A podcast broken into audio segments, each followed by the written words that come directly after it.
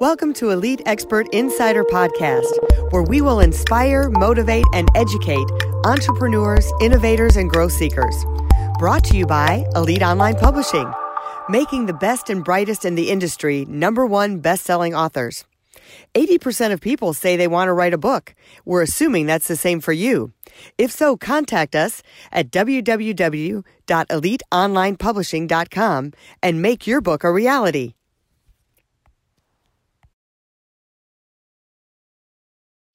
Hey, Melanie Johnson here. How are you doing today? I'm here with my business partner, Jen Foster. How are you doing, Jen? Hey, I'm excited. I'm doing good. Today's a great day. I know. I just love days when we do our podcast. So um, we are having an awesome time. Hope you guys are having an awesome day. We want to remind you to subscribe to this podcast and share it with your friends. And please leave us a comment. And I don't know if any of you know this, but Jen and I uh, co-own a company together we are both 50-50 partners on elite um, online publishing. So elite online publishing. And we started this it's a crazy story how we get asked all the time jen lives in salt lake city and i live in houston. It's like well how did you guys start this company? Like you live in two different states and two different cities. How did you start this? So it's kind of a funny story. So we wanted to share that real quick with you was um, we met right back at a, a, mentor of ours. It was a marketing conference, and we were going to the. She started going to it before me, right? You were going a couple years before, I think. Yeah, I think so. Mm-hmm. I was going a couple years before, and we would go to the same conference probably two, three times a year. I mean, it's not the same conference, but it's the same people, um, different different uh, material that we're learning. Yeah and so we had a there's a thing where you can go up on a hot seat. So i had i got to go up on the hot seat. And the um, issue that i was having at the time is i had bought into this timeshare. It was a villa down in the dominican republic. And i was trying to figure out other ways i could monetize it. And uh, jen's like ooh villa dominican, dominican republic. I want to go there. So the next time we met at the conference she was like I'm determined. I'm going to figure out a way for us to go, but not just on a vacation. We're going to go and we're going to make money. Yes, well, and it's really funny because um, the reason why I wanted to go so bad. I mean, of course, I've never been to Dominican, and I wanted to go. I've been to D- Puerto Rico, but I had never been to Dominican, and I was just thinking, you know, I've, there's got to be a way for me to go to this beach, and I was going to have a whole month without kids. Now I have three kids, and at the time, I'd only been divorced for like a year, year and a half, and I was like, okay, this is the first time I'm going to have no kids for a whole month, 30 days straight and i was like i've got to do something that's fun and something that will get me out of my you know out of my normal life but i also needed to make some money at the same time.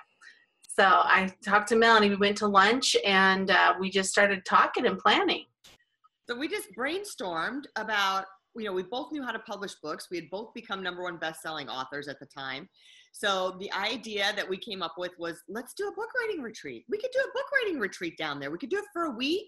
And um, so during the breaks, get this. So during the breaks of the conference, we came up with the title Hot Chicks Write Hot Books on the Beach, um, created a logo, made a video, Jen knows web design. She created a website. Get the on during the break, she's creating a website for well, us. we created a landing page, which was uh, almost like what we talked about on our last podcast on um, some sales funnel.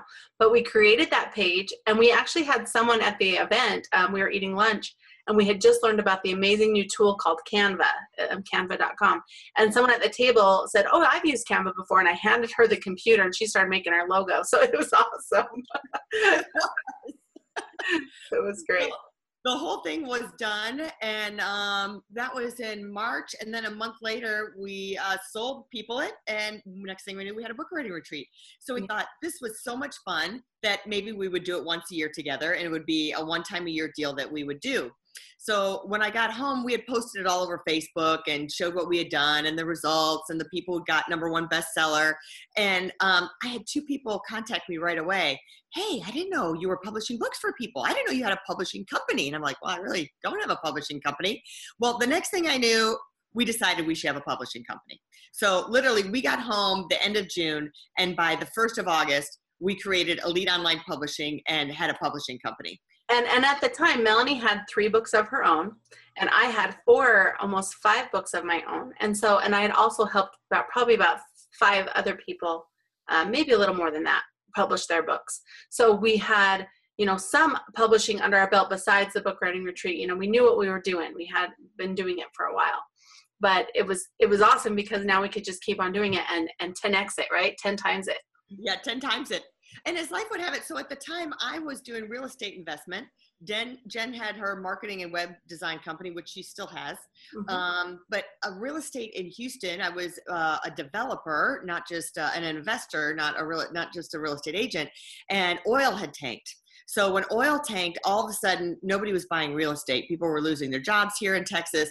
So it was like as that business was winding down, then the publishing business started winding up. So I was so grateful that I had another business that was starting at the same time and um, and kept growing. And so I guess the lesson there is when life is going to bring you lemons and economy is going to change, uh, marriages may end, um, you know, things can happen. So you have to figure out something else and keep moving. You can't just hide under the covers. So it was a great way. And, and speaking of not hiding under, under the covers, I'm going to tell this other story real quick of when life gives you lemons. So I had, um, a foreclosure happened when my husband divorced me he ended up getting our houses thrown into a temporary foreclosure through his a bankruptcy that he had had so i say well what do you do when your house is pending foreclosure my answer is you make a six figure business out of it.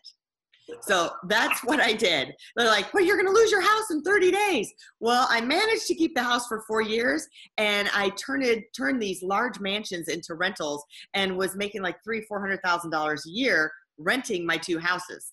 So it's all about turning something negative into something positive. And Jen and I kind of turned something fun into something really positive that turned into this one-off thing that turned into a huge business. So you just never know what'll happen. It's so true. It's so true. Well, and I think that the biggest thing that um that I loved about what Melanie and I's relationship is really just the fact that we have so much in common. So um, both of us were single moms, and both of us are juggling businesses. You know, have a business or two um, with her. She has uh, charity auctions as well for the villa. Um, so a couple different things you're doing and raising kids and building a life for ourselves and, and, and a lifestyle really, you know? Yeah, so the question comes up, how do you, there's a lot of single moms out there. So they were saying, 50% of all kids grow up with a single parent family now. 50% that was just wow. huge. I heard that the other day.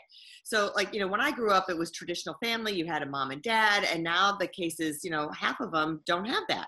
Right. so so there's a lot of us single moms out there that are or even single dads that are trying to juggle multiple things. How do you especially if you don't have that other person around. Some of you are lucky enough that the other spouse is still uh, ex-spouse is still participating yeah. and helping with carpool and driving and maybe taking them every other weekend but there's a whole chunk of us that don't have that that it's 100% of the time.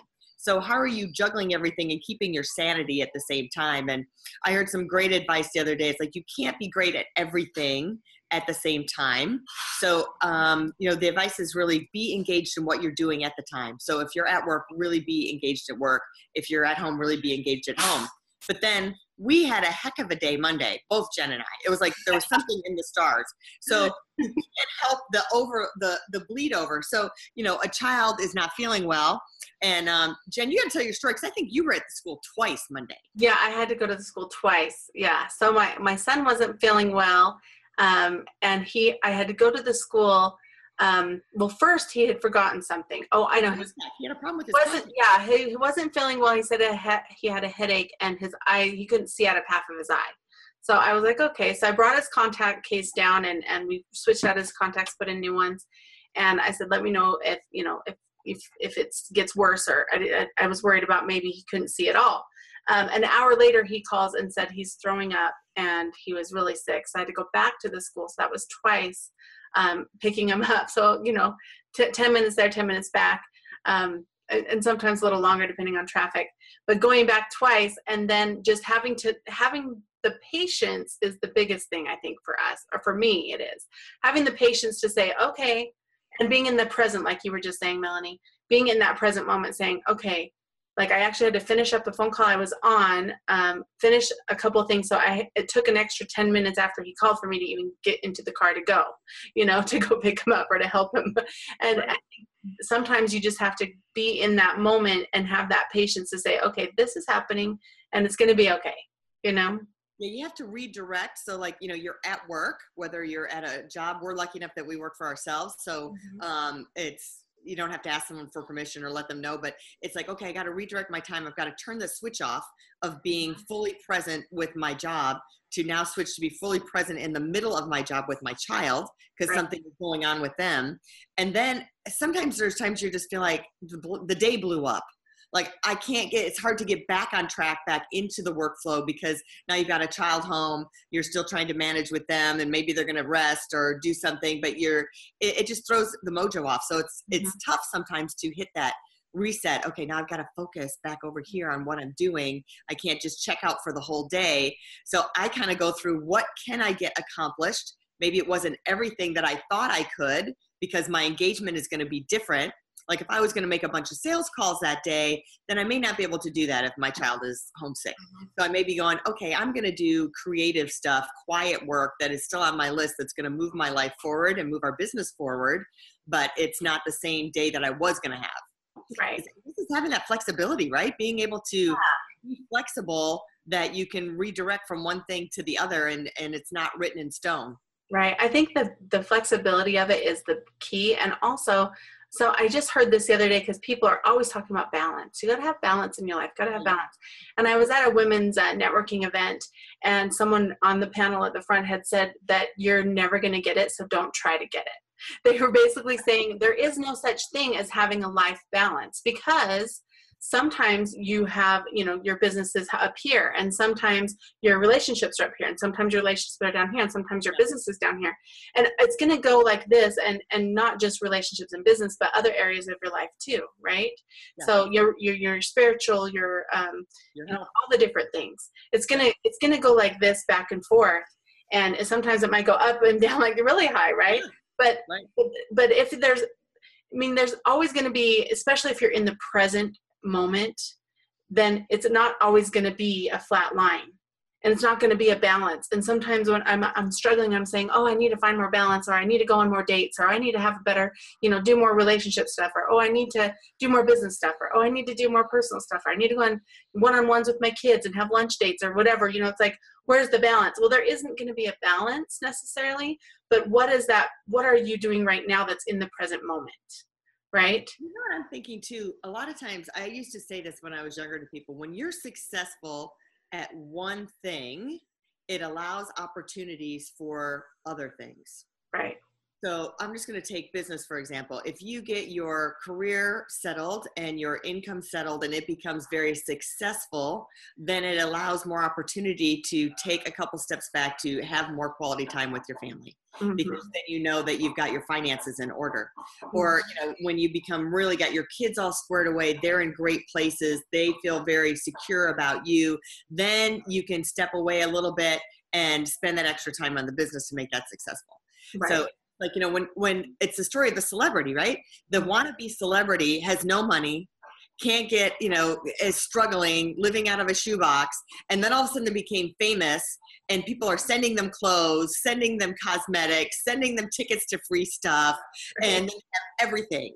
So it's kind of like finding that if you can um, 10x whatever you're doing, put enough time to really focus and um, be fully not the uh, the word's not fully present, but it's really like um, like uh, what's the word that you want to just dive in 110 percent.